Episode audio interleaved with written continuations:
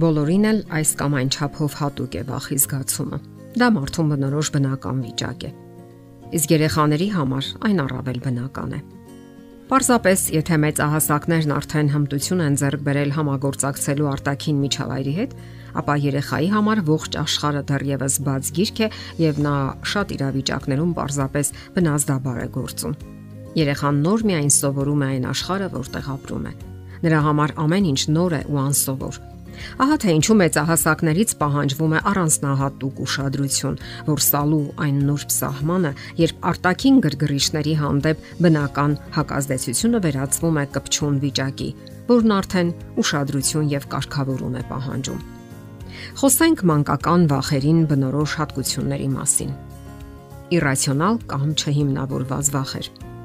Մանկական վախերի պատճառների մեծ մասը մեծահասակներին պարզապես ծիծաղաշարժ են թվում, որպես կանոն դրանք իրականության հետ ոչ մի կապ չունեն։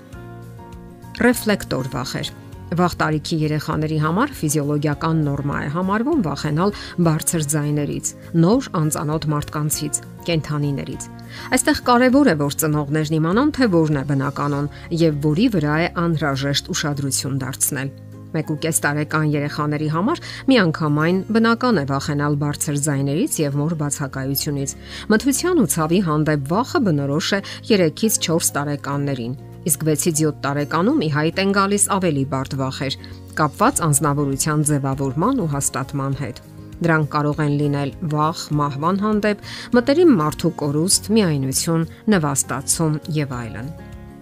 Շատ վախեր կարծես վարակ լինեն, որ փոխանցվում են մի երեխայից մյուսին կամ էլ մեծահասակից երեխային։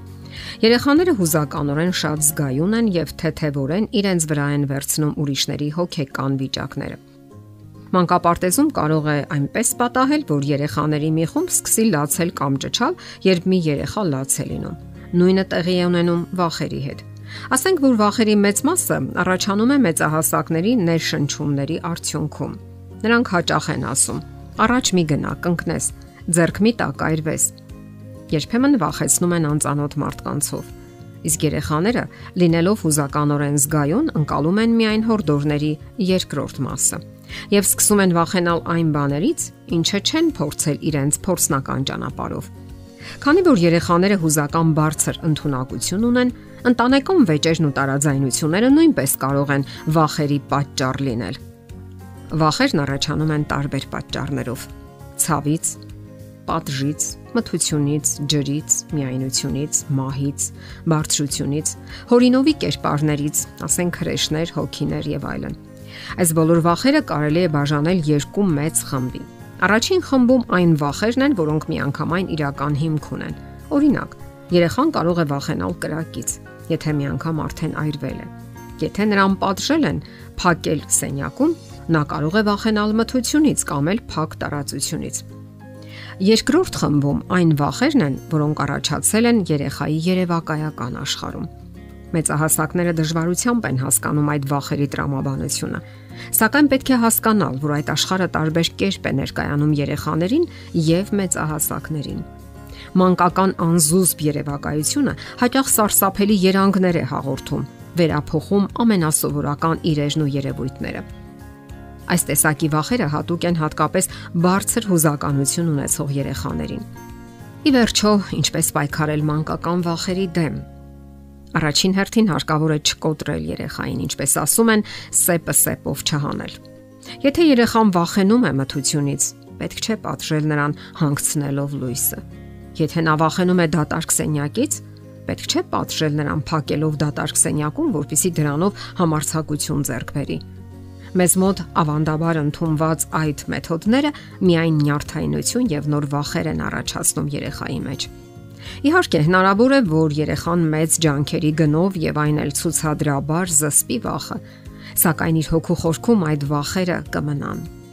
Ընդ որում, մասնագետներն ասում են, որ միանգամայն անօքուտ է երեխային հետ պահել նման վախերից ինչպիսիք են վախը բարձրությունից, խորությունից, ցավերից, բժշկից, քանի որ դրանց արմատների հիմքում ինքնապահպանման բնազդն է։ Պետք չէ, որ ծնողը ինքն իրեն օրինակ բերի։ Յուրաքանչյուր մեծահասակի մոտ էլ վախի գոնե մի դրսևորում կճարվի։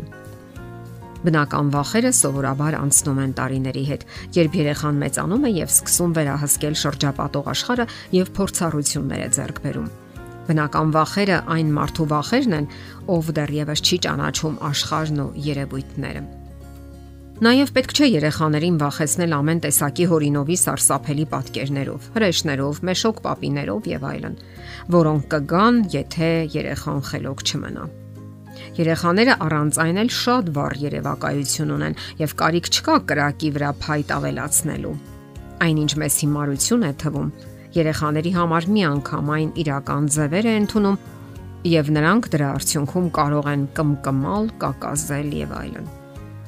Նաեւ պետք չէ անընդհատ կպչել այդ վախերից, հիշատակել, հանդիմանել եւ ոչ էլ անընդհատ խղճալ։ Դրանք կարող են ընդհանրապես ամրապնդել այդ վախերը։ Պետք չէ նաև ամփույթ վերաբերվել անտեսել, եթե երեխան բողոքում է դրանցից։ Քիչ երեխաներ կխոստովանեն իրենց թուլությունը առանց որևէ պատճառի։ Պետք է լսել երեխային, փորձելով կարգավորել, ուղղորդել բացասական ազդեցությունները։ Այն պահերին, երբ երեխան վախենում է,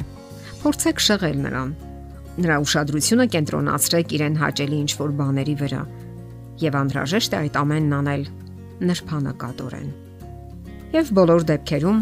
հարկավոր է համագործակցել նաեւ համապատասխան մասնագետների հետ։